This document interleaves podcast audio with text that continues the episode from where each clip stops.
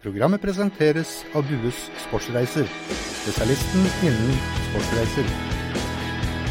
Hei og velkommen til fotballradioen. Vi har passert 60 program nå, Jesper. og i dag har vi en eh, spennende gjest. Det har vi absolutt. Vi har alltid spennende gjester, men i dag har vi en ekstremt spennende gjest. Som har kommet ned til det blide Sørland, som har tatt eh, Kristiansand og IK Start med ja, hva skal vi si, med storm allerede. Han har eh, sørga for at Start enda ikke har tapt en kamp siden han kom til klubben. og Dette er jo en kar som de fleste sikkert har hørt på andre podkaster opp igjennom, men nå har vi endelig fått denne myten, mannen og legenden Tor Christian Karlsen i studio. Velkommen! Takk. Eh, overveldende velkomst. Ja, det er fortjent. Det er fullt fortjent. Det er mye, mye, mye feil der. Det kan godt være, men det er sånn i denne podkasten at eh, vi serverer eh, lytterne både fake news og reelle, riktige news. Og Vi skal ikke snakke om Therese Johaug, det har vi bestemt oss for. Vi gidder ikke engasjere oss i det. Det er det nok av andre folk som tar seg av, men vi skal selvfølgelig snakke om Start. Mm. Kanskje litt innom det norske landslaget, som tok ut en landslagstropp i dag, men ikke altfor mye. Nei. Det mest interessante er jo det som foregår på Sparebanken Sør Arena i disse dager. Absolutt. Tor Kristian, eh, velkommen. Tusen takk. Du har vært her hvor lenge i Start? Ja, tre uker. Ja, Hvordan har de tre ukene vært? Uh, ja, det har vært veldig hektisk. Første, første to ukene så var det jo å bli litt kjent med hverandre og sette seg inn i i status quo. Hvor, hvor, er man, hvor har man kommet fra, hvor skal man? Og treffe alle de menneskene som jobber i klubben. Og i den perioden der, spesielt da Steinar og Andreas, trenerteamet. Og styret og, og Even, selvsagt. Og Du har gjentatt mange ganger at du har fått et veldig godt inntrykk ja, av folk ja, ja. i i klubben. Jeg ville jo ikke forvente at du hadde sagt noe annet. Nei, men det kan Uansett, være at jeg ikke hadde sagt noe ja, det, kan, det kan være. Men eh, du føler litt sånn eh, at her er du kommet til rett eh, plass til rett tid? Ja, det, det, det gjør jeg. Og den informasjonen som også jeg hadde i forkant av at ting ble veldig konkrete, pekte også imot mot det. Um, men en, en miljøet er veldig godt, syns jeg. Og hyggelige mennesker. Blide mennesker, som man forventer her på Sørlandet. Og fin spillergruppe også, skal sies. Med gode, profesjonelle ja, gutter. Vi skal snakke litt om eh, de etterpå, for det har kommet noen nye år som du har vært med å, å hente. Men du må si litt om, om prosessen før du ble ble ansatt, om eh, kontakt med Start. Eh, når du først hørte om det, hvor var du enn da? Du hadde egentlig sett for deg en, en litt eh, lengre pause fra fotballen, om jeg har forstått det riktig? Ja, jeg, jeg forlot Israel i slutten av mai. Så reiste jeg tilbake til Oslo har ikke Israel sånn som Mange sørlendinger tenker på Israel som et sted der de kanskje reiser på pilegrimsferd, ja. men det var ikke du. Du jobba på en, en, ja. en, stor fotballklubb som heter ja. Makabi Haifa. Haifa, ja. Haifa. ja. Det er jo største klubben i Israel. Det er som Rosenborg. Um, enorme forventninger. Laget har underprestert de siste fem-seks årene. Det er vel seks år, sju nå, siden, uh, siden uh, Seks år siden forrige ligatittel. Og I Israel så sier man jo at hvis det, man ryker på en ulykke, så er det sju års periode før man kommer seg ut av den. Det er noe bibelsk, tror jeg. Mm. Kanskje noen lyttere kan um, hjelpe oss med å oppklare det. men um, Så det er jo neste sesong, ikke den her. De tapte jo serieåpningen i går. Så det er jo neste sesong de muligens kan vinne igjen, da, ifølge den troen der. Mm. Men um, ja, altså det, det var jo en, et engasjement som jeg visste veldig lite om før jeg gikk dit. Og så jeg signerte en et, ja, kort, kort, kontrakt, ett år, og ideen var å se hvordan, hvordan fungerer det her, og hvordan er landet å bo i, og hvordan er fotballen. Før jeg ville på en måte forplikte meg til noe lengre. Eh, og så skjønte jeg på et tidspunkt at eh, Altså, det var veldig mange positive ting. En veldig mennesker, eh, fantastisk land å bo i. Men fotballen for mitt vedkommende ble altfor uh, ustrukturert og hektisk og panisk og utålmodig. Og det er sånn slags um, Skal vi kalle det uh, altså det er veldig veldig tabloid. Og det er nesten som at folk og, og de som driver i fotball, må ha det. Det var ikke derfor du du kom må inn ha der, for, å, for å gjøre noe med det. Når du kommer inn i en sånn rolle, så har du sjanse til å Og du er vel sikkert solgt inn på, også på at Ja. du, du ønsker noe, noe langsiktig. Du ønsker å, å endre på et eller annet som har eh, vært eh, kanskje bestandig. Ja, Men jeg, jeg tror ikke det er lett for én mann å komme inn og forandre For det handler om i, i israelske fotballens kultur, Ja. mer om akkurat klubben. Ja, og det er noe iboende, tror jeg, også der i i Israel, om at ja, det, er, det er kanskje noe som ligger i DNA eller i psyken. At det er jo et kontroversielt område i verden, og folk har vokst opp med, med krigstrusler og atomtrusler og gassmasker og, og bomberom og sånne ting. Og man har Det er nesten ikke på en måte sikkert at det er Israel i morgen, ikke sant? Og det er trusler fra, fra alle sider. Og det gjør kanskje noe med en at man vil ha resultater i dag. For i morgen kan hende ikke, ikke det er noen fotballkamp. Og det var veldig Så det var veldig sånn eh, ja, utålmodig approach til absolutt alt. Og da er det vanskelig å på en måte I hvert fall fra min bakgrunn og min kultur, så er det veldig vrient å, å jobbe i den Tæra det på? ja, det gjorde det. Det skal jeg innrømme. Og jeg følte at etter det året der så hadde jeg behov for å ja, tenke på litt andre ting. Og, men uh, Hva tenker Tor Christian Karlsen på da når han ikke tenker på, på fotball? nei, da tenker han på Nei, da leser og prøver å koble av fra, fra fotball. Det er jo første gang på 21 år hvor jeg har hatt privilegium å ha en ordentlig ferie, f.eks. Men så klarte jeg ikke å bestemme meg for hvor jeg skulle reise på ferie. Så jeg satt i Oslo og grubla litt på skal vi dra til Australia, skal jeg dra til India? India? Eller Canada? Men Du, du ble i Oslo. så ble jeg i Oslo fordi alt var booka, og det var midt i ferien.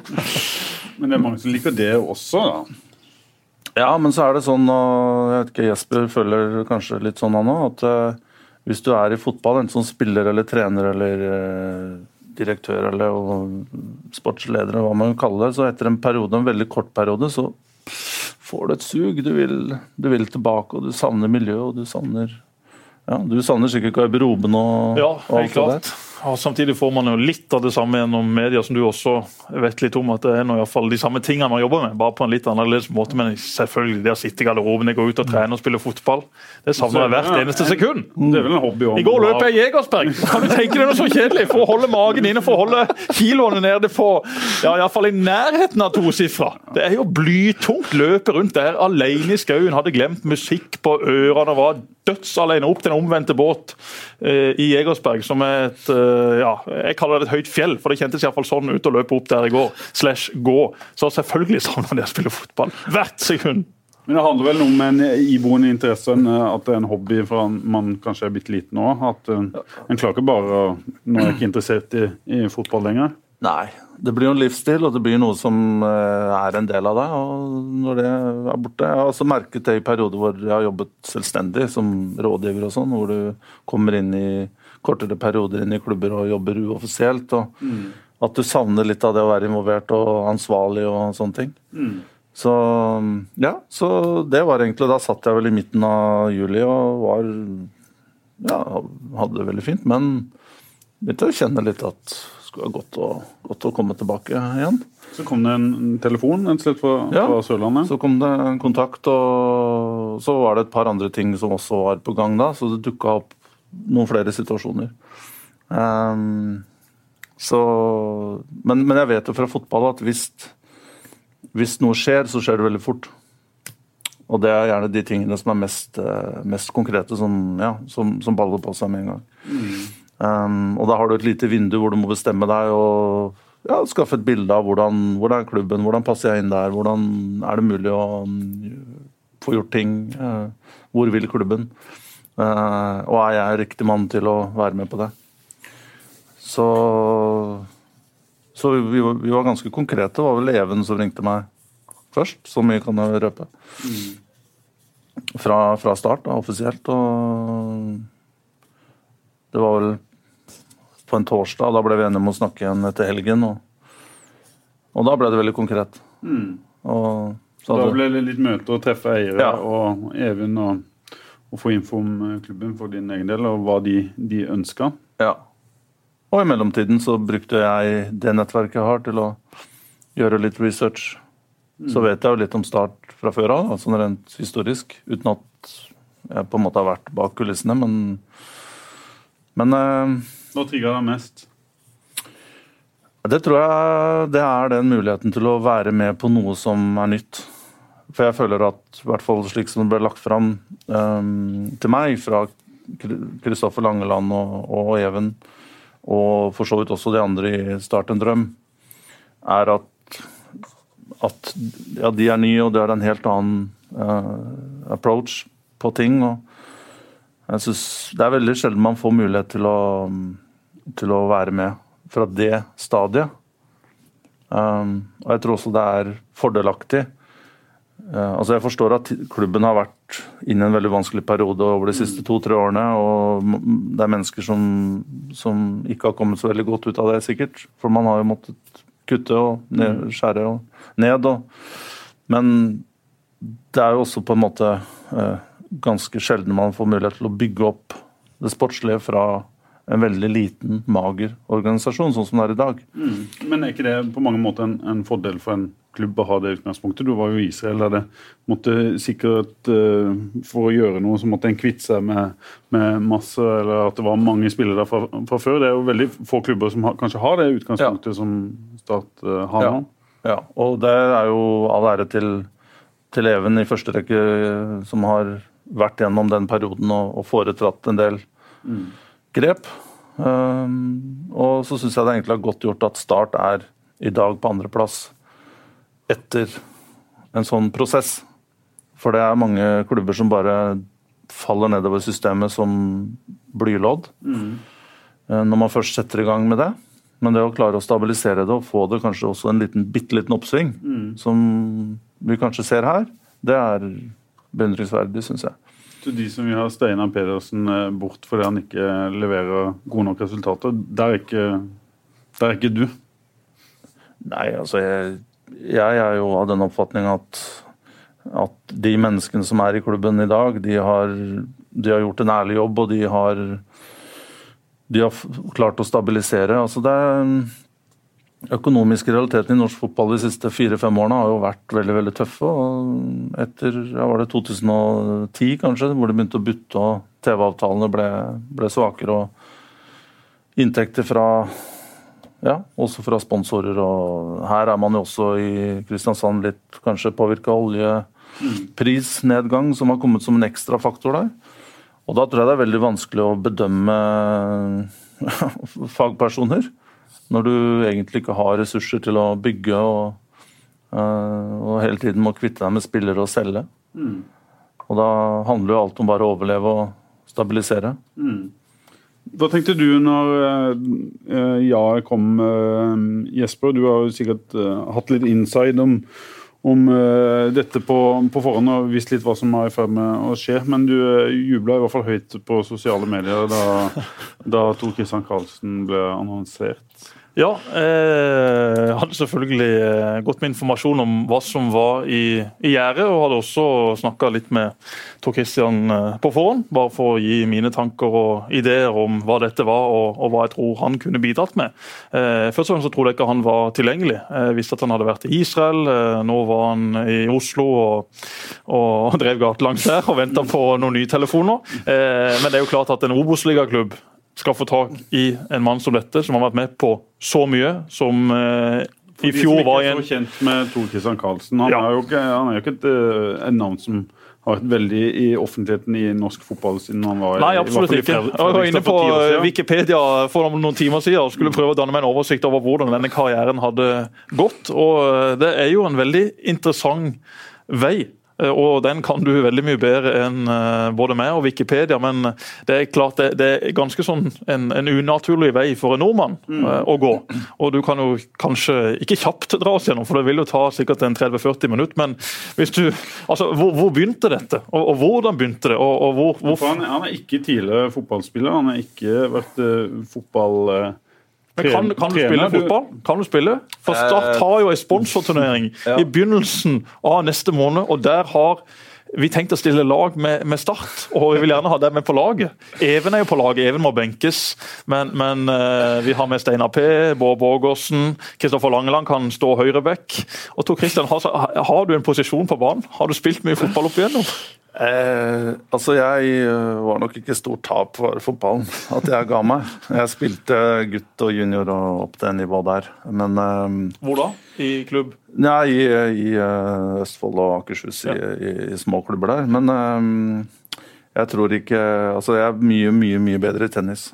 Du er god i tennis? Ja. Da utfordrer jeg til tenniskamp. Ja. Jeg er ikke veldig god i tennis, men vi har jo men, noen aldeles nydelige tennisbaner ved siden av gamle Kristiansand stadion. Ja. Vet du hva? De har altså to innendørsbaner, og der legges det nytt dekke nå. De har vært litt skeive, disse banene, på noe gammelt slitt kunstgress, men nå blir det altså helt prima forhold. Vi skal spille tennis! Ja. For Mathisen og Ole Martin Aast eh, spiller tennis der. Eh, ja, Ole Martin Aast er habil tennisspiller. Han pleier alltid å slå meg. Vi er snart på dobbel her. Vi er snart på dobbel for Kristoffer Langeland, styreleder i Start en drøm AS. Han er også jeg vil ikke si en habil tennisspiller, men han får den ballen over nettet ekstremt kynisk. Har ikke slått en vinner i hele sitt liv, men får bare ballen over nettet. Venter bare på at motstanderen skal gjøre feil. Ja, mange som har lykkes med det. Jeg gleder meg til å spille tennis Så, med deg. Ja, Men du, du, har, du, har, en mer akademisk uh, inngang til fotballen, eh, Tor Kristian, er det riktig å, å, si? Ja, altså det er vanskelig å på en måte, jeg, jeg, Det er mange som spør hvordan skal jeg bli speider, og hvordan skal jeg bli sportsdirektør, og hvordan skal jeg Men jeg tror ingen veier er like til å si, Rom. det er mange veier dit. Um, og man ser også på trenere som, mange av trenerne som jeg har pratet med i, i karrieren, har jo kommet dit ikke gjennom den tradisjonelle måten med spiller og ja, forbund og sånne ting. Du flytta ganske tidlig til England? Ja, jeg flytta til England da jeg var ja, ja, 20 år. 2021. Eh, og jeg hadde vel en idé om at, at, at, jeg kunne bruke noe av den informasjonen som jeg hadde eh, fra Skandinavia. Jeg fulgte veldig godt fotballen her. Um, Men Var det mer en interesse, eller var det på oppdrag for uh, Nei, det, i begynnelsen så var det mer hobby. Men jeg var veldig, veldig Jeg brukte veldig mye tid på det. Og jeg samla på VHS-videoer fra Og jeg, jeg, jeg opparbeida meg et ganske stort kontaktnett på, på informasjon og på, på, videoer. For det her var jo lenge før Wisecout og Instat, og mm. lenge før DVD til og med. Og Whitespot og Instat er da disse programmene som klubber og folk i fotballverdenen i dag bruker for å få en oversikt over spillere. Kan se ja. og kan se kamper, bare for de som ikke er klar over det. Ja. Og der har man jo også editing. Alt ligger jo klart klippa for deg. Så du trenger jo ikke å gjøre så mye annet enn å bare programmere det du vil se, og så trykke play, og så kommer alt fra hvor som helst i verden. Men, eh, så jeg, så, jeg, hadde en del ting som klubber var interessert i. Jeg hadde litt, en del informasjon om spillere. Jeg hadde godt nettverk også i andre deler av verden som jeg hadde jobbet litt med på forskjellige måter. Og så hadde jeg da videoer og sånne ting. Så, og da jeg kom til England, så forsto jeg at agentene hadde på en måte monopol på linken til Norge mm. med, med informasjon. Og jeg følte at uh, jeg kunne kanskje bidra med litt mer objektiv informasjon. Og som sagt, dette her var jo Internett hadde jo ikke engang virkelig Midten av 90-tallet. Ja.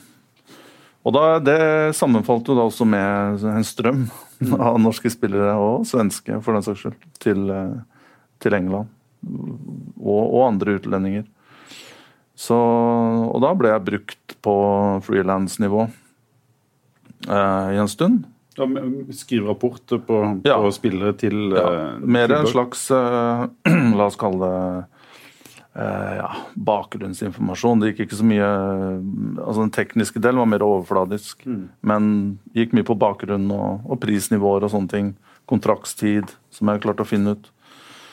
Fordi som sagt, agentene hadde jo sin egen agenda. De ville jo bare tjene mest mulig penger. Og, mm. Så jeg kunne tilby et litt annet perspektiv mm. på det.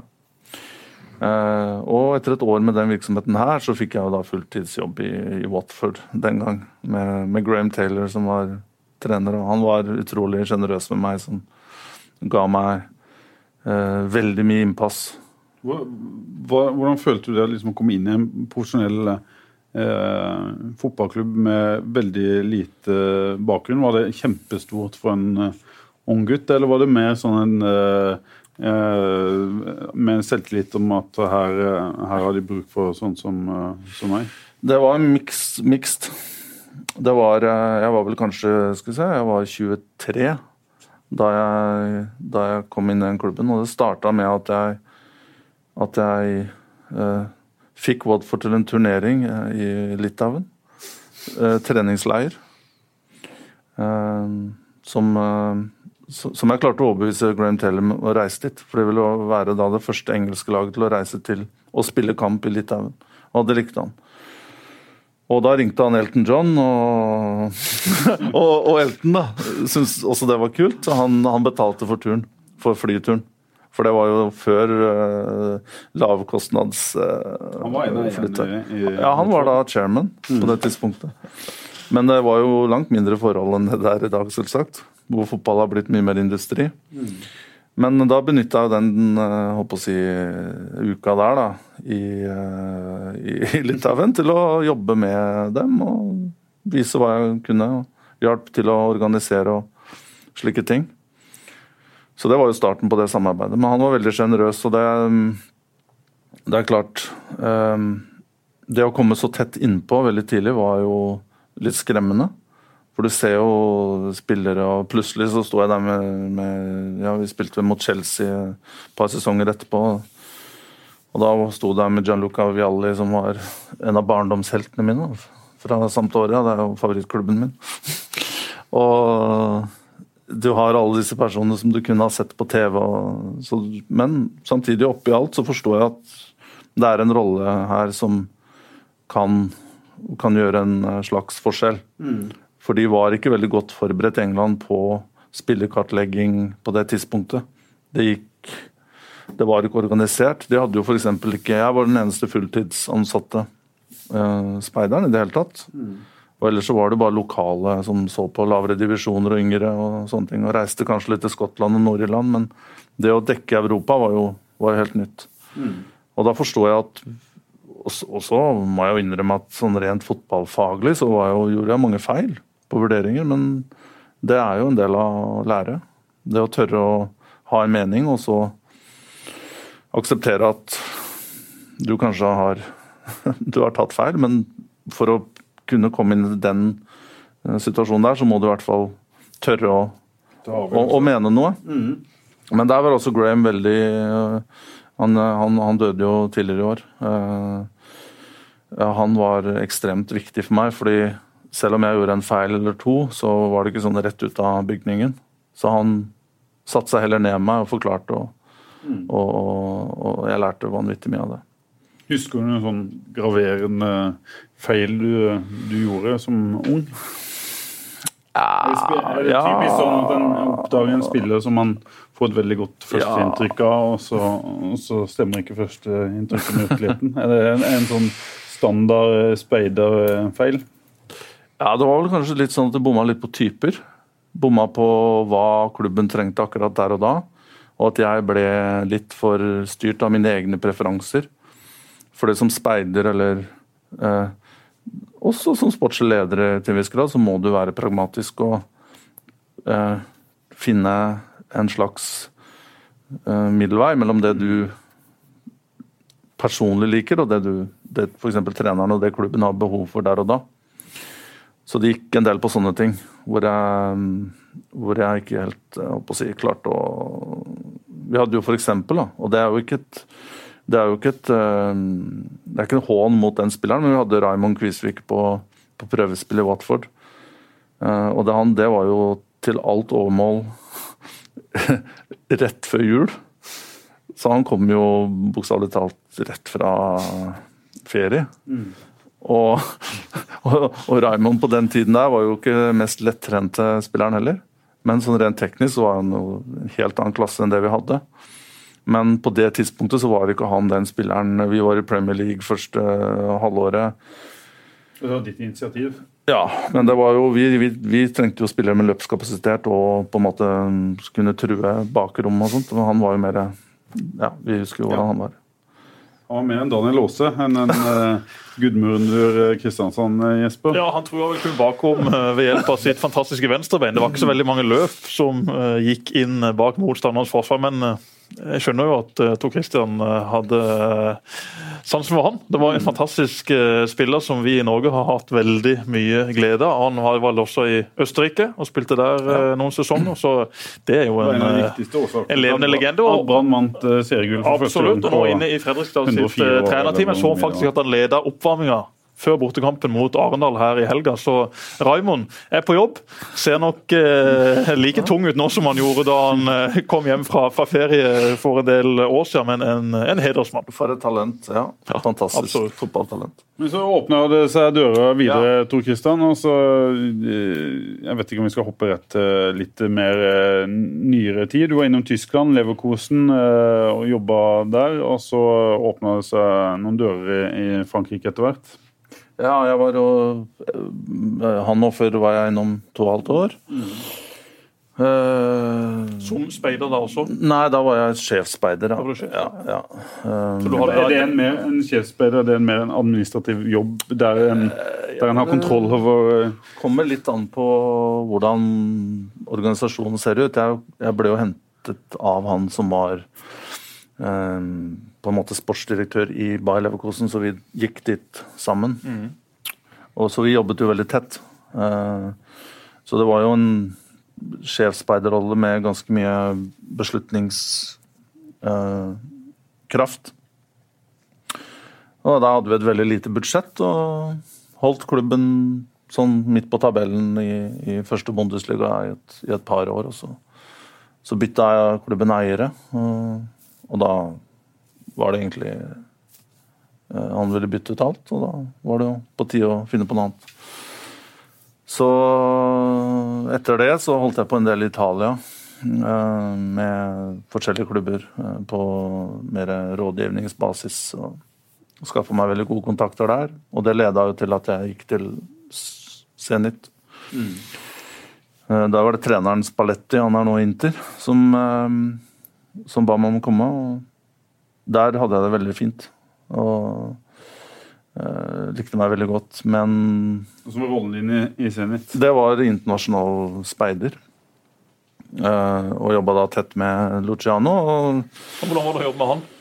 Det var uh, veldig krevende, for han er vanvittig krevende type. Det ser sånn ut. Ja, Og han er ikke noe, ikke noe kosebamse i det hele tatt. Nei. Men du lærer vanvittig mye, for det er den dyktigste fotballtreneren jeg tror kanskje eksisterer i dag.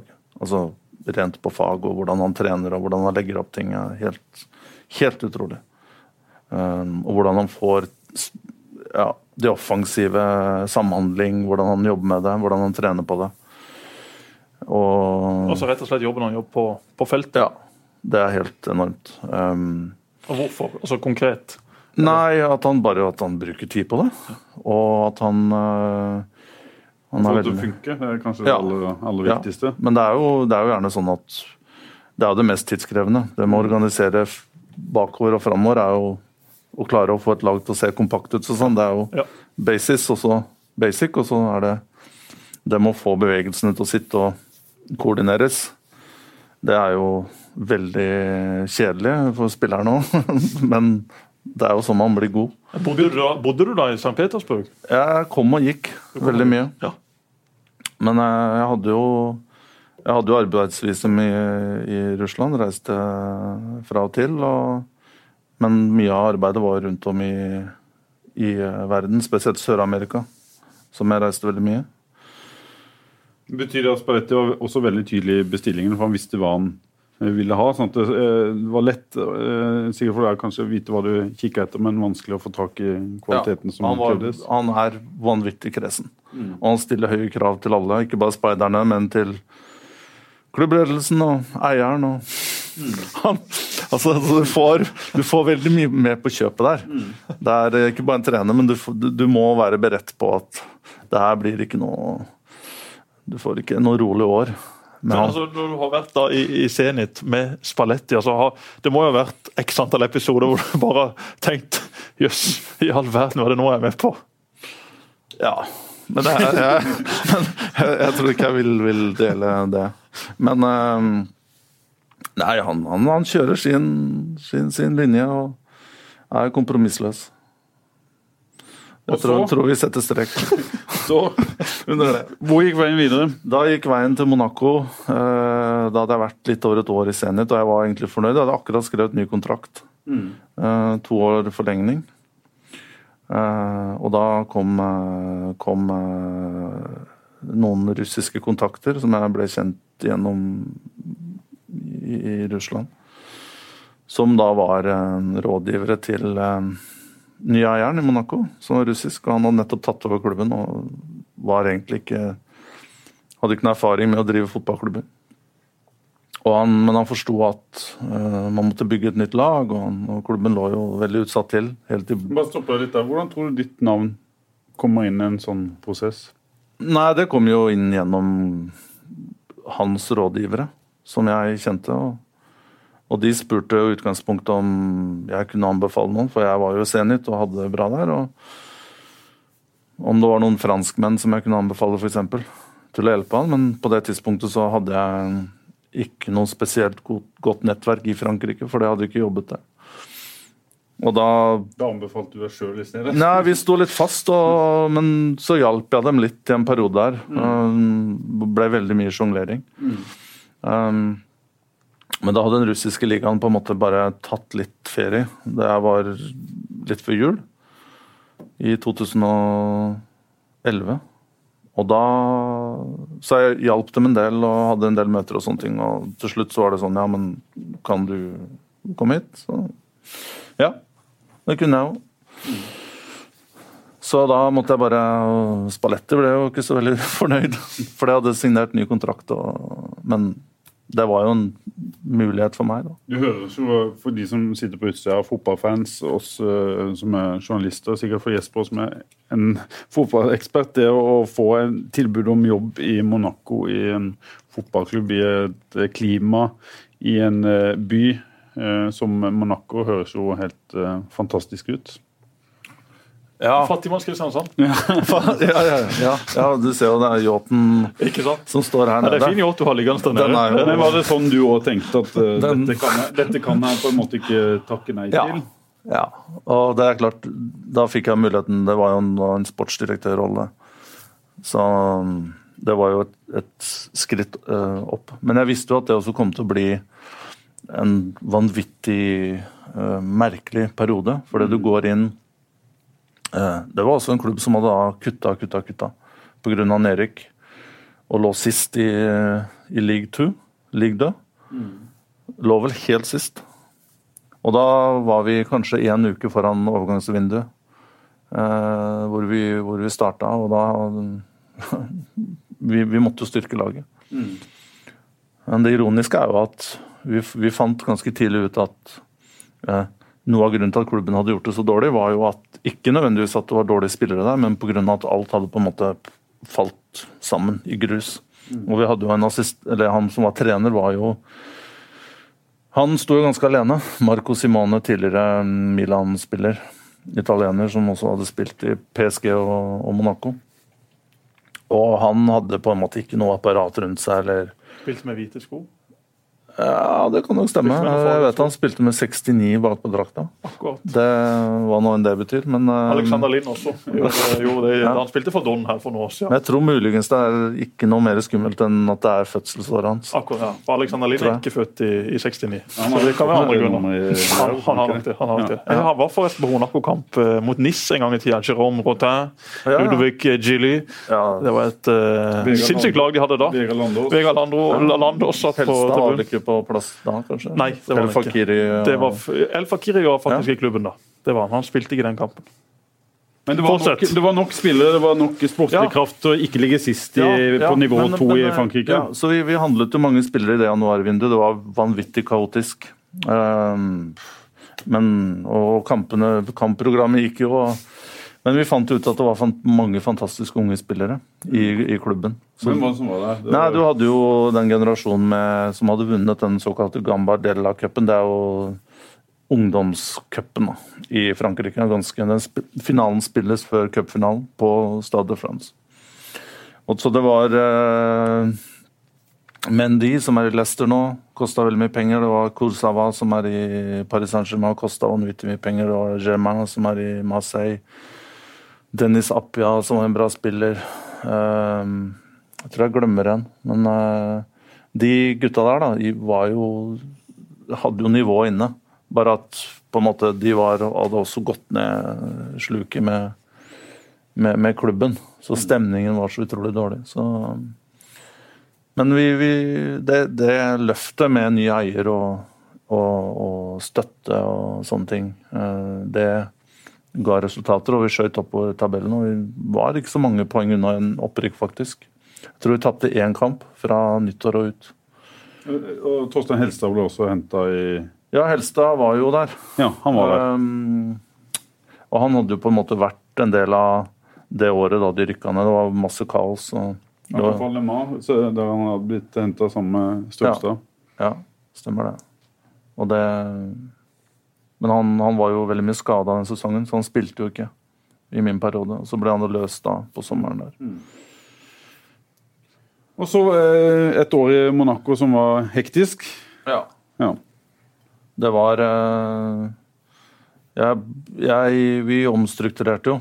Eh, vi fikk inn Claudio i, på sommeren. Ranieri ja. må vi jo legge til, da, for de som ikke er så, er så kjent. han fikk med seg et stort apparat med italienere som gjorde en fantastisk jobb.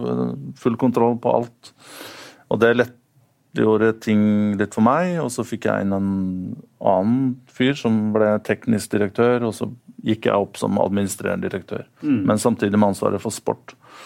Eh, og da ble jeg også ja, på en måte dratt litt inn i ting som jeg ikke hadde så veldig mye kompetanse det handler om økonomi og, ja, og driften av en fotballklubb det, med en altså, I Monaco spiller, så, så, gikk det veldig mye på, også på politikk. Vi hadde stort problem med, med skatt. Fordi vi en skatt, hadde en skattefordel i Monaco hvor utlendingene ikke Vi trengte ikke å betale skatt på mm. utlendingene. Mens franske klubber måtte da betale 50% skatt. Så det her var en situasjon som, som Monaco hadde håndtert tidligere ved å kjøpe mange dyre spillere fra franske klubber. Ja. Spesielt fra de store Lyon, Rennes og ikke PSG, var jo, men Bordeaux. Mm. Så, så, de holdt de andre på en måte i sjakk mm. ved, å, ved, å, kjøpe dyre spillere. Så spillere visste at hvis de kom til Monaco, så, så var det et skattelette der som de ikke fikk andre klubber. Ja, på utlendinger. Mm. Men da den nye eieren kom inn, russiske eier, så var strategien hans i begynnelsen å kjøpe Vi kjøpte jo 15 utlendinger. Og det provoserte de andre franske klubbene litt. Mm. Så vi klarte å bygge et veldig godt lag. Mye billigere enn de kunne. Så veldig mye gikk med på type, ja, politikken rundt det. Snakker du fransk? Jeg snakker brytbart brukbart fransk. Ja. Men jeg prater flytende italiensk. Uh, og ved hjelp av det så får du litt fransk på kjøpet. Ja. Og når du bor der, så, så lærer du fort. Så det Men etter noen måneder eh, Så halvt år i den jobben, så, så, så De oppgavene trivdes jeg ikke med i det hele tatt. Uh, å jobbe med ja, utbedring av stadion og treningssenter og sånne ting. Og det Sponsor, FFP. Så det var egentlig sport som jeg ville fokusere på. Men Du syns det er gøyere, eller du trives bedre på feltet, på reise, på kamper, på den delen der ja, av fotballen ja, enn den administrative delen ja. av det? Hiring for your small business? If you're not looking for professionals on LinkedIn, you're looking in the wrong place. That's like looking for your car keys in a fish tank. LinkedIn helps you hire professionals you can't find anywhere else, even those who aren't actively searching for a new job but might be open to the perfect role. In a given month, over 70% of LinkedIn users don't even visit other leading job sites. So start looking in the right place. With LinkedIn, you can hire professionals like a professional. Post your free job on linkedin.com slash people today. Mer kompetent, mm. kompetent. Men det var du da som var i klubben da dere henta Ranieri til, ja. til Monaco. Hvordan, ja. hvordan, hvordan, var det? Det var jo heller ikke en eh, hvem som helst. Eh. Nei, vi, vi, eh, vi hadde jo Altså, Marco var jo litt uheldig som ikke fikk fortsette. Fordi han eh, Vi ønsket en trener med litt mer erfaring. Og Marco hadde jo ikke trenerlisens heller. For da Marco Simone. Ja. Ja. Så, men han hadde gjort en god jobb. Ja. Og det var litt Men sånn er fotballen. Det er, noen ganger så må du ta tøffe beslutninger. Og jeg hadde jo også folk over meg som, som hadde sine meninger. Men nei, det var, det var veldig, veldig greit. Jeg, jeg forsto ganske tidlig at han var rett mann. Fordi han han, han, han kryssa veldig mange bokser. Han var ekstremt eh, erfaren og han snakka mange språk. Vi hadde en veldig internasjonal gruppe. Han hadde en mediepersona som passet profilen til klubben, og som ville ha litt eksponering. Og, og han var også veldig fin å jobbe med. Så han respekterte det faktum at det var en eier, det var en sportsdirektør. Vi hadde gjort våre vi hadde våre synspunkter angående hva slags spillere vi skulle ha inn. og sånne ting, og Claudio blanda seg ikke altfor mye borti det, så lenge han var konsultert og informert. Så han var veldig... Lave skuldre slår det meg jo han, at han er en type med lave skuldre. Ja, ja han er det utad. Så kan han være skrutig litt. Mm. Men uh, han var veldig fin å jobbe med, fordi vi var alle nye, og det var mye stress og det var mye situasjoner som vi måtte forholde oss til dag etter dag. Og han på en måte tok kontrollen over treningsanlegg og spillerne, og, og, og hadde også med seg mange dyktige folk som kom inn og bare satte i gang fra, fra dag én. Mm. Litt av en historie, Jesper. Nå sitter han her som uh, sportsdirektør i, i Start. Jeg skrev en kommentar når han ble ansatt. Hvordan kan Tor Christian Karlsen passe inn i, i lille Start? Uh, det var på en måte min første sånn uh, Hvordan er dette mulig at du en har lyst, og at du to blir over en lengre periode enn enn der du har vært. Hva tenker du om, om de spørsmåla der uh, sjøl? Altså eh, Hvis du ser på CV-en, så er jo en del av disse eh, sprangene kan jo forklares mm. litt med at altså de første tre, tre jobbene var, var, jo ganske var to ganger fire ganger 2,5. Som egentlig i dag i fotballen er, er OK. Mm. Um, og så var jo Fredriksen en veldig kort periode. Men det var jo ikke en sunn klubb å komme inn i. Og, det, og eh, Historien med hva som har skjedd med Fredrikstad, hva du sa i ettertid, jeg leste litt intervjuer her i, i går, viser vel at eh, med fasit i hånda at det var du som hadde riktig? Ja, jeg, jeg følte i hvert fall at det ikke var noe godt klima. og Det var ikke ingen strategi hvor du måtte ta veldig mange tøffe grep. Mm. Og så var kanskje jeg for ung til å til å Du ble sett på som en jypling? Fikk du litt det at Nei. her kommer han eh, unge fyren som tror han er noe og skal, skal gjøre noe med, med, med Fredrikstad ja, som klubb? Jeg vet ikke, men jeg tror det var mer sånn at de de hadde egentlig ikke bestemt seg hva de ville med den rollen. Og de ville, de, det, det ble på en måte pressa på. Og det ble pressa på klubben i en kanskje feil periode. Mm. Der var vi på høsten da Det ble vel offentliggjort 1.9.2008, og det 2008-sesongen så ble jo Fredrikstad nummer to. Mm. Og hadde jo litt los på Var det Stabæk som Eller var det Brann som vant det året der? Var det Stabæk? Med Gunnarsson og Nanskog. Jeg lurer på om det er de som vant det året der. 2007 var det Åtte. Åtte, Da var Stabæk som vant, ja. ja. Og Fredrikstad hadde litt los på dem en periode der. Mm. Og, så, så, alt gikk jo veldig bra, men det var veldig opplagt at det her kosta ekstremt mye penger. Mm. Og det var spillere på utgående kontrakt. Ca. ni eller ti spillere ville gå ut på kontrakt i slutten av 2009. Og jeg forsto at det her kommer til å bli veldig tøft. For de spillerne som var med på den oppturen der, de ville jo på en eller annen måte få bruke det momentumet til å få nye kontrakter der og da. Mm.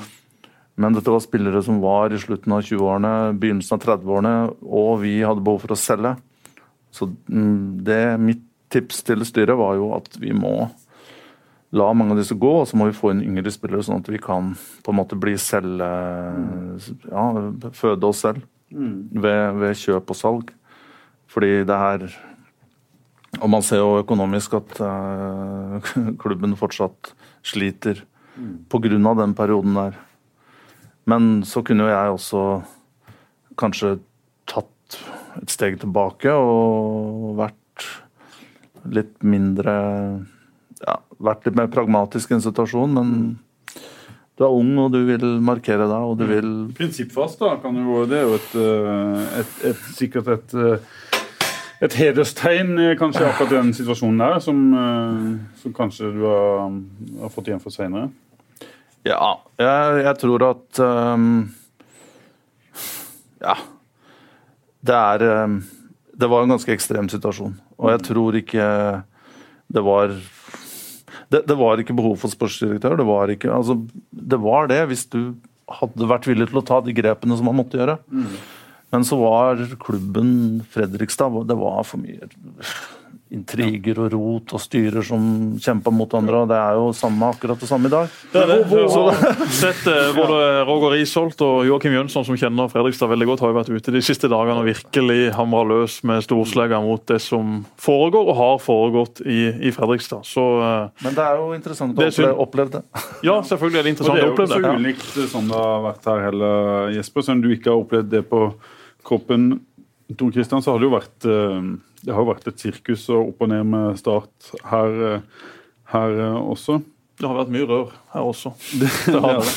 Du, du, jo, du forfekter jo langsiktighet, møysommelig arbeid, en kultur eller en måte å jobbe på som, som skal For å få en klubb til å fungere, så må det foregå over en eh, ganske lang eh, periode. hva, er, hva, er, tidsperspektivet ditt i, i Start?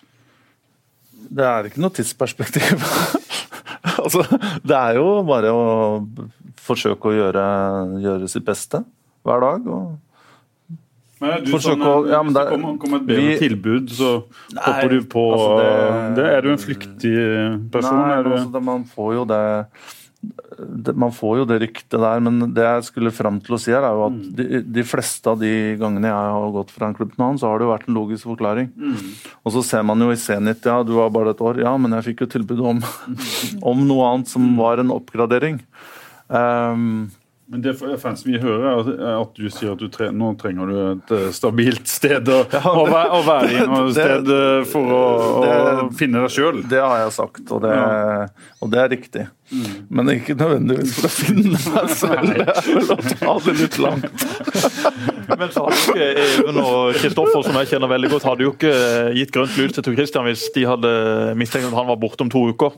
De har jo selvfølgelig hatt uh, dype samtaler med Bare han er med og bygger opp noe, så er det jo, ja, da får det komme inn en annen en da, i tilfelle. Det viktigste er jo at han leverer. Så må jo klubben ta til seg all den lærdom de bare kan mens han er her. Mm. Han kommer ikke til å være her i ti år. Det tror jeg veldig lite på. Ikke fordi han er en kar som eh, vil på død og liv reise igjen når du først er kommet til eh, verdens flotteste by. Nå har han bosatt seg rett på andre sida av Lundsborg også, så han bor jo midt i smørøyet. Men eh, sånn er fotballen. Kommer det opp eh, andre tilbud, større tilbud, ja, så vil selvfølgelig alltid det være noe som han kommer til å vurdere. Men eh, at han skal være her lenger enn et kvarter, ja, det skal han selvfølgelig være. Og han har jo allerede vært eh, godt på jobb i det første. Vi vindu han fikk. Det, det må vi selvfølgelig snakke ja, for Facebook holdt på å falle sammen! Facebook holdt på å falle sammen! Mark Zuckerberg måtte altså oppgradere serverne sine der borte i statene med tanke på neste overgangsvindu. For Start har aldri hatt så mange seere på ei livesending før, og der satt TK den ene sofaen, Even i den andre. Øyvind Evjen stakk dessverre innom. Han var bortvist til den andre sendinga, men det var god stemning i sofaen. Og jeg lå hjemme og jeg visste jo sånn sett hva som kom til å skje, men jeg var så spent sjøl. Nå, nå, nå, kommer dette, Tor Kristian. Ja, sk ja, ja, Skålevik var signert, og så tenkte folk jøss, yes, det var en god signering. Mm. Og så sier bare til ja, det kan skje mer i kveld. Og da bare boom, brøt hele internett sammen. Det var moro. Ja. Men det, det, det, ble jo et eh, show og veldig underholdende for de som følger Start, og som er sultefòra på på gode opplevelser. Nå er det jo sånn at Fotballfans de jubler jo bare det kommer en uh, signering. Samme om de har sett spilleren eller ikke, det vet, det vet vi jo. Men uh, du sa også at det, det, kommer ikke til å være sånn i fremtida. Hvorfor ikke? Nei, for det første så vet vi at de fiberkablene under Atlanteren ikke tåler det her mer. Um, Nei, det, det er jo vi, vi, kommer ikke til å sitte sånn uh, med 20 minutter uh, igjen. Det er jo det folk vil ha. Ja, men det er jo ikke bra. Det er jo ikke bra å ha det sånn. Nei, altså vi må jo Det kommer ikke til å bli, uh, bli deadline-rush. Uh, det, det virker gøy for meg. Det virker gøy Jesper, å jobbe på den måten. Er det gøy? Det er sikkert slitsomt, men er det på en måte det at det bygges opp forventninger, det at det er en klokke som går til tolv, og eh, etter at klokka har slått tolv, så, så, kan du ikke gjøre noe. Det, det, hører, det jo, må være et litt sånn adrenalinkick ja. også. Den, eh, den, eh, altså Bare for å gi litt bakgrunn. Mm. Den, det er jo faktisk en klokke som tikker der, på det såkalte TMS-systemet. Mm. Der eh, altså informasjonen mellom klubbene skal matche. Og det er, sånn, TMS? TMS er Transfer Matching System til Fifa. Og alle internasjonale overganger, eller nasjonale, tror jeg òg, på et visst nivå, må gjennom det for å klareres. Um, og hvis du ikke da får match, mm. litt som Tinder, så må du da uh, så, så, går ikke overgangen igjennom. For der, der, utveksles det også informasjon, og der er det dialog også ja. mellom klubbene? Ja. ja. Så det som uh, mates inn der, det er jo overgangssum og betalingsbetingelser. Uh, og forhandlingene foregår på mail og telefon? Forhandlingene foregår på alt mulig slags plattformer. Um, det er litt kjedelig å miste den gode gamle faksen. Var det ikke en ja. egen sjarm i det faksen nei, kom gjennom maskinen? Ja, nei, den er, Nå går det jo altfor instant. I hvert fall kanskje i England holder de fortsatt på med det. Ja, det men Der ligger de litt bak oss på EDB-løsninga. Men uh, vi, vi, det var noen øyeblikk der jeg svetta skikkelig. Og det var jo da vi lagde en sånn teaser. Uh, og Even absolutt Altså, jeg prøvde jo å moderere meg til at det var én spiller, men på en måte sa vi spillere, så Og da sa jo Even starte med, kan du si, bokstaven det starter med. Og det var jo Christian mm. og Finnbogason. Og det var jo ikke offisielt igjennom. Og jeg tror det var 16-18 minutter da vi fikk det gjennom. Men, det var en muntlig avtale som var gjort? Var ja, det de... men det var TMS det sto ja, på. Ja. Og hvis det hadde vært ett minutt, ett sekund over, så hadde jo ikke vi fått registrert han. Men samtidig så hadde jo Even da gått høyt ut og så han, Men han gikk veldig kald rundt, og det her går bra, det her går bra, slapp av. Mm. Så det var litt sånn Ble litt eh, klam inni hendene. Men Øyvind Evjen, eh, ja, den som har ansvar for dette i stad, han har kontroll på disse ja, tingene. Så han hadde, han hadde løsninga klar. Ja, han lo, lo veldig av meg, da. Jeg er jo ikke på det administrative sånn teknisk sett. Uh, og jeg er heller ikke vant til å jobbe opp imot deadline på den måten. Men Var det da klart at denne sjamaikaneren eh, lå? Han, var, ja, han, han var i boks? Ja, han var i boks tidlig på dagen. Mm. Og så hadde vi jo hadde vi noen andre situasjoner der som kom og gikk. Vi hadde en annen spiller som var mer eller mindre klar. Hvem? Nei, det, det, kan jeg ikke si, men det var en uh, spiller fra norsk klubb. Ja, Da sier jeg Devia Vega, som smalt inn et uh, mål med, med venstrebeinet. Det kommer fra bergenspressen at han, han var nære, nære uh, start. kan du bekrefte at han var nær start? Jeg kan bekrefte at vi, vi hadde en dialog om det. Og, men jeg ser jo ettertid at Brann har distansert seg fra det. Men jeg får de forklare hvordan det, hvordan, hvordan det henger sammen. Men, ja, det men, men vi, kommer til å ta opp igjen, Tore. vi fikk inntrykk og fikk tilbakemelding inntrykk av de vi snakket med, mm. at han var tilgjengelig for lån. Men ja. det ble ikke sånn. Men, men, det er en veldig god spiller, og det er klart at eh, i og med at vi har eh, bekreftet at mm. det var en dialog der på et eller annet nivå, det betyr jo at at vi har sett ting i spillerne. Ja. Eh, er det mange sånne spillere som dukker opp i, sånn, eh, i et sånn tidsrom som etter at vinduet er stengt, som man fortsetter å, å følge? Ja. Jeg vil si Jeg vil si at det er kanskje tre-fire spillere som vi ønsket I hvert fall to-tre. To, og som vi var ganske konkrete på. Mm. Som vi ikke fikk. Som, eh, um, der det kan dukke ja, opp Og det er ut, utenlandske spillere. Mm. Det er enda eh, lettere å gjøre noe i, i, vinter. Ja, det er klart. Da har du tid til å ja, forberede deg og, og måle dem opp mot andre kandidater som dukker opp. Um, det er jo spillere som jeg kjenner og fra tidligere og Steinar har sett på, som, som har ligget også på bordet hos Start en drøm. Um, men sånn blir det jo. Men vi er fornøyde, og vi, vi kom i land, føler jeg. Og så har jo disse nye spillerne Jesper, Det har vært en, en drømmestart, i hvert fall for to av de, eh, med Skålevik som har skåra i både kamp én og, og to, og, og Finnboga sånn, som kanskje Hadde han skåra seiersmålet, så hadde det vel blitt enda mer føss rundt han. Det var, en Ja, det svak det Da da, da da, det var en svak kamp, men Da hadde jo Christian vært i Juventus i løpet av uka. Det hadde ikke gått. Men Skålevik har skåra to strålende mål. Først bort mot Ullkisa.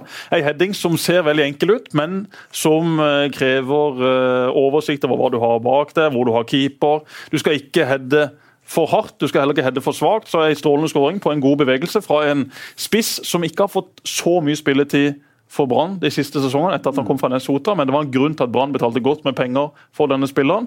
En spiller som kommer til å levere mål Proven, som vi sier i, i første divisjon, og en spiller som har Absolutt. skåra mye i første divisjon. Og så var det da Floki Finnbogason som uh, tok seg en prat med Mathias Williamson før han uh, ga grønt lys til start. Og Mathias er jo en kar som elsker Kristiansand, som elsker Start, som har stor respekt for alle de som jobber i klubben. Og det da at han kommer ned hit som en relativt ung spiller, men med den tryggheten om at nå kommer jeg iallfall ned til et sted, en klubb og en by hvor jeg kan trives. Når du da i tillegg får et mål på hjemmebane i den første kampen, det kan ikke bli så mye bedre enn det. Så en eh, meget god start for de begge. Og så tror jeg og håper jeg at vi får se vår venn fra Jamaica allerede i neste kamp eh, fra start. For eh, det Midtforsvaret har hatt sine utfordringer i eh, de siste kampene. Jeg syns ikke det har sett så solid ut som det har gjort i enkelte andre kamper før. Nå er det vel på tide å sette inn en ny makker til Simon Andreas Larsen, og det kan fortsette neste match. Ja. Eh, Floki, som vi kan kalle Christian Floki Finnbogason, da. Folk skjønte kanskje ikke helt at det er en eh, ganske markant eh, signering for, for Start. Kommer fra islandske medier at Start har betalt eh, i underkant av tre millioner kroner. Hva betyr det? Ekstra press og litt andre forventninger til han enn det som eh, kanskje kom frem. Det ble sagt at han trenger tid og disse tinga. Dette er jo en spiller som kan bidra fra dag én, og det har han allerede vist. FH, som han kom fra, er jo en klubb som har vært med i kvalik for Europa. Og de er vel sånn sett enda med, selv om det ser ut til å bli eh, tøft å kvalifisere seg inn i noe gruppespill. Det er en spiller som har bemerka seg på Island, som flere norske klubber har vært ute etter, som flere utenlandske klubber eh, har vært ute etter. Så at Start fikk kloa i han når de igjen da spiller i Obos-ligaen, for det er klart at en mann som kommer fra utlandet, går inn på livescore.com, sjekker tabellen. Oi, søren, det var ikke Start. Ok, må kanskje ned en divisjon. Og så finner de Start på andreplass. Og de vet jo ikke noe i utgangspunktet om at det kommer inn nye eiere, det kommer inn en ny sportsdirektør. Det er veldig mye positiv entusiasme i byen. Men de må jo bli fortalt det. Men det er klart det er mange klubber som selger inn både den ene og den andre historien, så du må jo få spillerne til å tro på det også. Da tror jeg det har vært viktig at han har snakka med en tidligere storspiss i Start, som har sagt at vet du hva, gå dit, de kommer til å rykke opp. Det er flinke folk som er der fra før. Det er enda flinkere folk nå som er henta inn. Den reisen må du være med på. Det kan være godt for din utvikling. Du hadde selvfølgelig en prat med Mathias uh, underveis her, sånn at du fikk påvirka han. Jeg snakker med Mathias eh, eh, om ikke hver dag, så har vi uh, gått med meldinger på vår lille WhatsApp-samtale. Både om Rosenborg, Start og andre ting innenfor fotball. Ja. Eh, Tor Christian eh, Floki, når så du han for første gang? Jeg har vært oppmerksom på han en god stund. Selv da han var i Danmark, så var det jo litt prat om han. og Han var i FC København. Ja, og han var vel innom aldersbestemte landslag og Ja, var jo stor og brukbar touch. Um, godt driv med ballen, så den type spillere får jo oppmerksomhet og blir, blir fulgt. Jeg vet jo at Start vil jo ikke bekrefte noen summer og sånne ting, men med litt eh, penger så åpner det seg jo nye muligheter. Er det sånn at eh, det en betaler for han, eh, tenker en at en skal få igjen på et senere tidspunkt? Er det en tankegang som er viktig for Start nå? Ja, jeg tror det er en tankegang som egentlig alle klubber må Eller i Norge i hvert fall. Må på en måte vite sin plass i, i næringskjeden. Eh, vi er jo ikke PSG ennå. Selv om det står en yacht fra Qatar her nede. Så, så så det noe med Start å gjøre? Kan du bekrefte? det kan jeg ikke bekrefte akkurat nå. Nei, det, nei, det kan jeg heller ikke. Men ehm, hvem vet, kanskje vi får det inn på neste kamp, og da er vi i gang med Altså, hvis det noen kommer noen samtaler. gutter fra Qatar, så kan Kristoffer Langeland og co. bare ryke og reise. Altså. Hvis det kommer eh, enda større karer på dekk. Vi vil ikke ha Qatar inn i Start, for å være klar på det. Nei. Nei. Nei, det, det er en del ting her på Sørlandet som kanskje strider imot det de Står for. Ja. Ja. Men øh, jo, øh, jeg, tror, jeg tror det er en god å si, tanke å ha i bakhodet når man henter spillere fra utlandet spesielt, at de er ganske unge og har forbedringspotensial, og at kanskje en dag om to-tre år at vi kan selge dem videre med fortjeneste. Men da er det jo viktig at de er med og bygger klubb før de eh, Det er reiser. Det er klart. Men det, det her skjer jo på mange forskjellige løp. Da. Det er jo den, det løpet der med å hente inn spillere, og så er det jo også gjennom utvikle det vi har, og, og få andre opp fra systemet. Adnan er jo litt i samme båt, egentlig, mm. Selv om han er yngre. Men det er jo en spiller som jeg mener om noen år, om det er om tre-fire år, kan og bør spille i utlandet. Men han kan jo gjøre utrolig mye bra for Start før den tiden kommer, og da må vi være bevisste på å ha andre klare. Til å, så ikke kvaliteten på laget faller. Det har jo vært utfordringa slash problemet til Start de siste årene. At de spillerne som er henta inn, har blitt henta inn på ei hylle som det er vanskelig å finne gull på. Men samtidig, når de har kommet inn, så har ikke det vært gode nok referanser for de unge spillerne som skal komme opp. Og ikke det dummeste jeg hører, men noe av det dummeste jeg hører, er at Start skal få klapp på skuldra for at det er så mange lokale gutter på laget. Ja, det finnes lovende unge sørlendinger som også spiller i Start i dag, og som vil spille på Start om et par år. Men man må jo også kunne se på hvorfor. Hadde Start ligget i toppen av Eliteserien, eller hadde det ligget fra midten av tabellen opp i Eliteserien, så er det veldig få av disse som hadde spilt like mye på dette laget. Så det har jo en forklaring også i så måte. Men når man nå får inn en toppspiss fra Island, man får inn en stopper fra Jamaica. Etter hvert vil man få eh, andre andre ting servert av, av TK. Eh, da får jo de unge spillerne plutselig noe nytt å forholde seg til. Noe nytt å strekke seg etter. Jøss, tenker de. Se hvordan han trener. Se hvordan han presterer. Dette må jeg også gjøre for å bli god. Det var jo det Kristoffer Ayer gjorde med resten av unggutta. Selv om han var en kjempeliten drittunge, så var han altså den som gikk foran i treningsarbeidet hver eneste dag. Alle spillerne i garderoben så bare jøss. Han trener. Han trener før trening, han trener etter trening, han trener ekstraøkt på kvelden. Det er jo ikke rart mannen ikke mannen. Det er ikke rart gutten blir god. Det er jo sånne spillere man må ha inn, og det er jo selve nøkkelen. Når- man da henter inn spillere som er i den aldersgruppa som ikke er for gamle, så er jo selvfølgelig også investorene interessert i å bruke penger på noe som igjen kan gi litt penger tilbake i andre enden, samtidig som de da gir et kjempebidrag mens de er i klubben. Så det er jo et, en tankegang og et tankesett som er den eneste rette veien å gå, men man har bare ikke alltid hatt muligheten til å gjøre det. Derfor blir jo nå folk engasjert på en helt annen måte, for nå ser de vet du hva, nå skjer det faktisk noe gøy.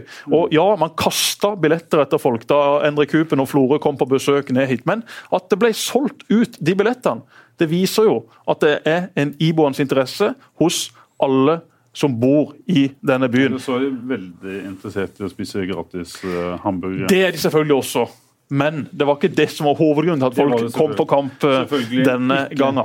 Poenget det- mitt er bare ja. at det finnes så enormt med potensial i og rundt Start, og det begynner jo folk å kjenne litt på nå. Altså Bare den der sendinga på Facebook med et kamera som dirrer, og Even som er oppspilt, og TK som er kjempestressa i sofaen, og Evin på nabokontoret som har full kontroll i TMS. Du vet, Evin er en sånn fyr at Det kan godt være at Evin hadde klart dette en time før han gadd å gi beskjed, men bare for å bli mer interessant sjøl, så bare sitter han og venter med å gi Vet du hva, her har vi papirene, Det er i orden.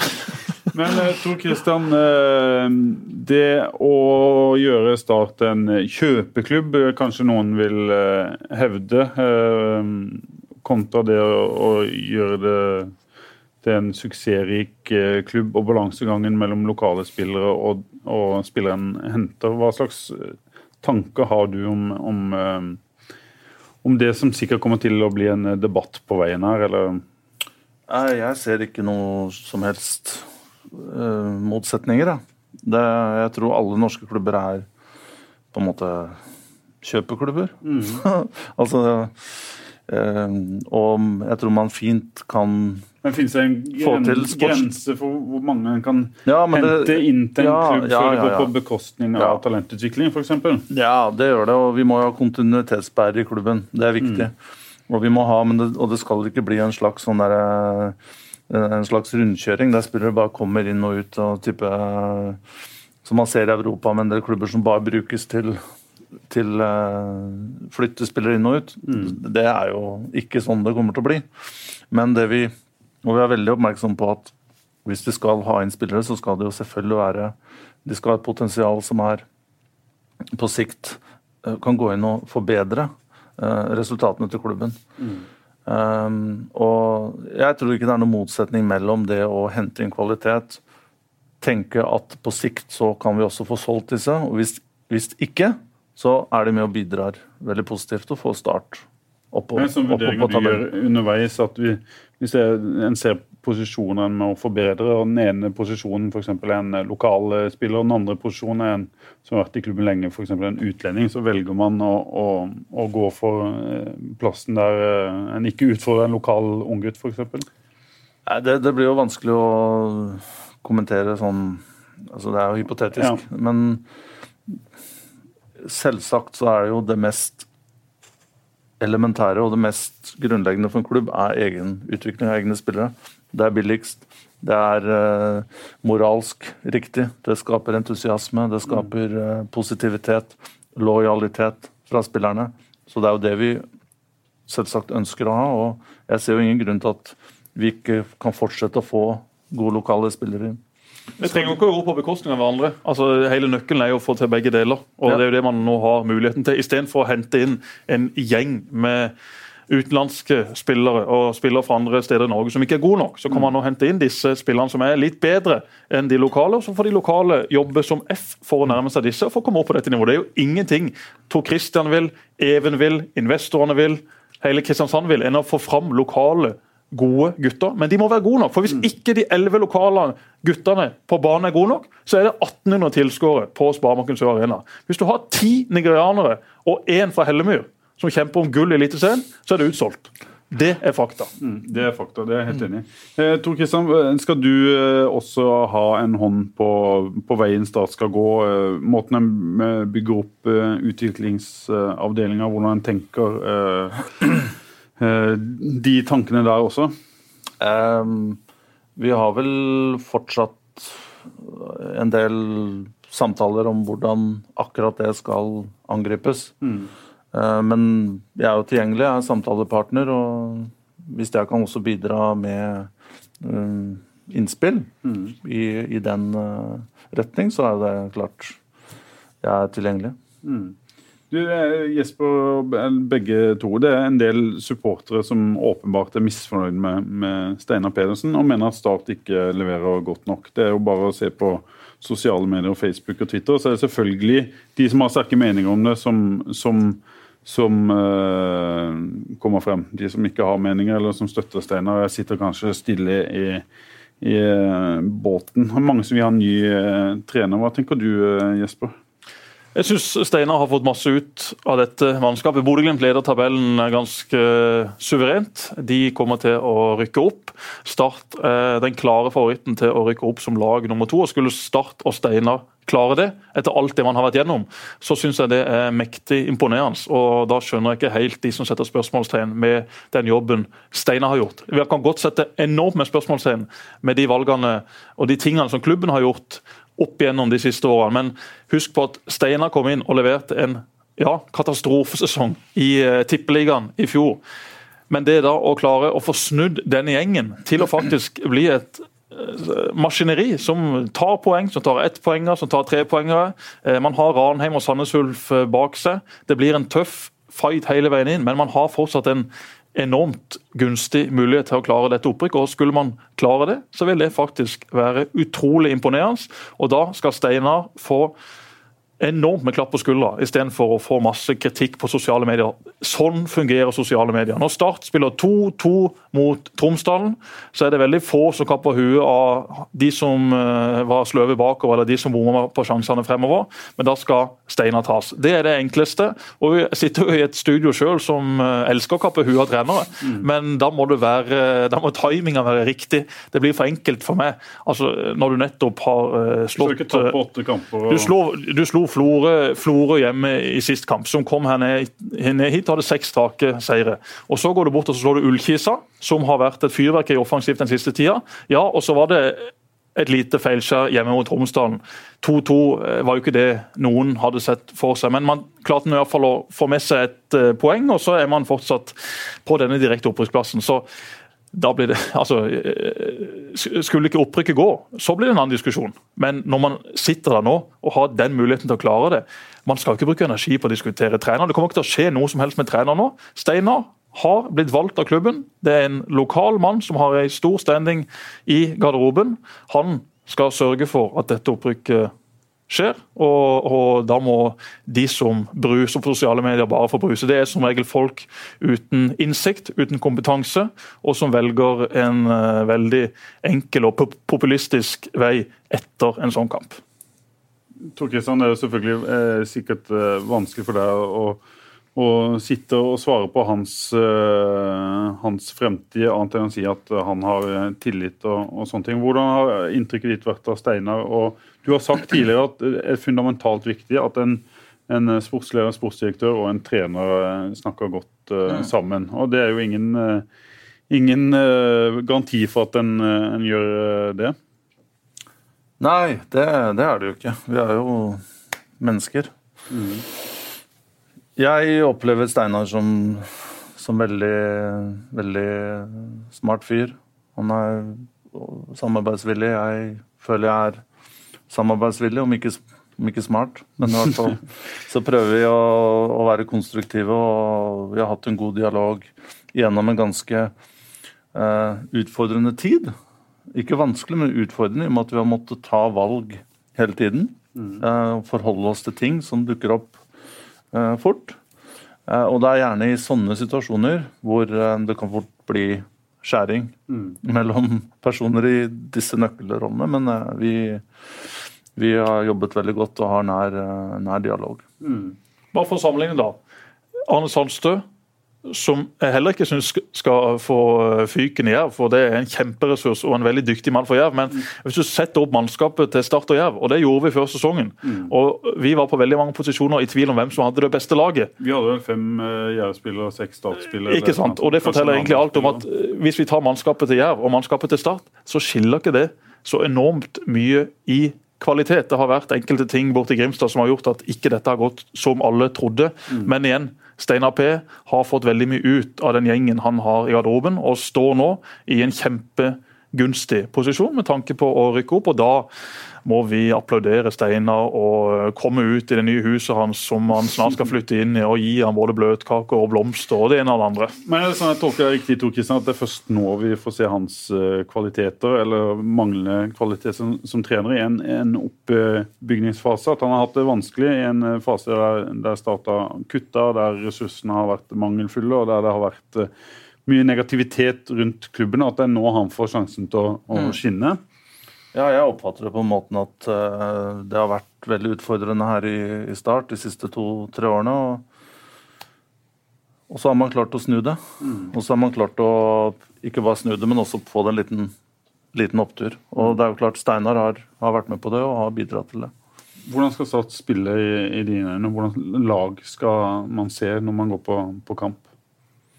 Nei, Det vil ikke jeg svare på. Altså, det, jeg er veldig forsiktig med å krysse noe, noe, noe Altså den der streken der mellom trener og, ja. og taktisk.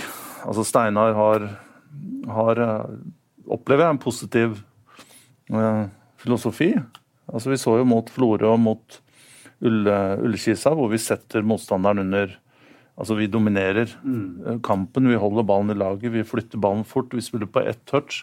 Vi kommer oss rundt på kantene, vi spiller oss igjennom. Mm. Uh, og det er jo attraktiv fotball.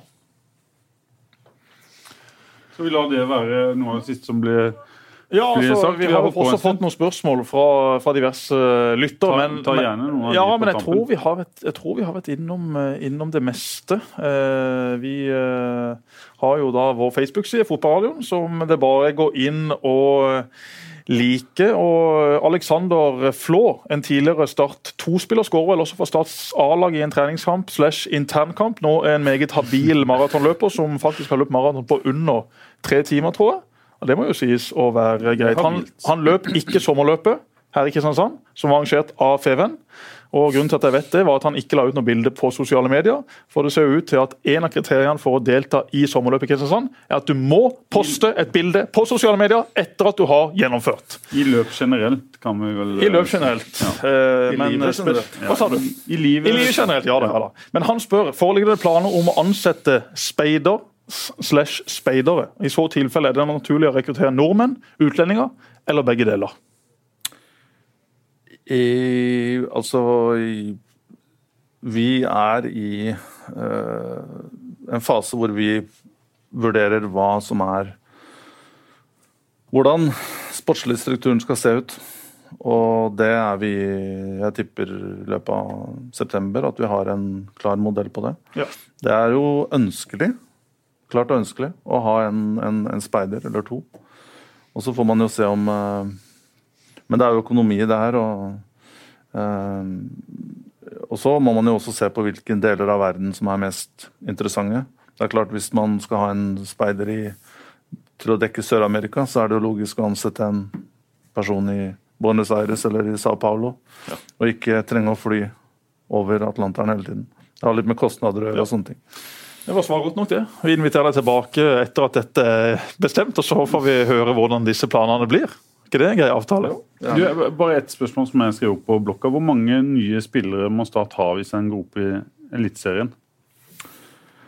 Det, Det får du noe det, det, det er jo altfor alt, alt for tidlig å, å, å svare på.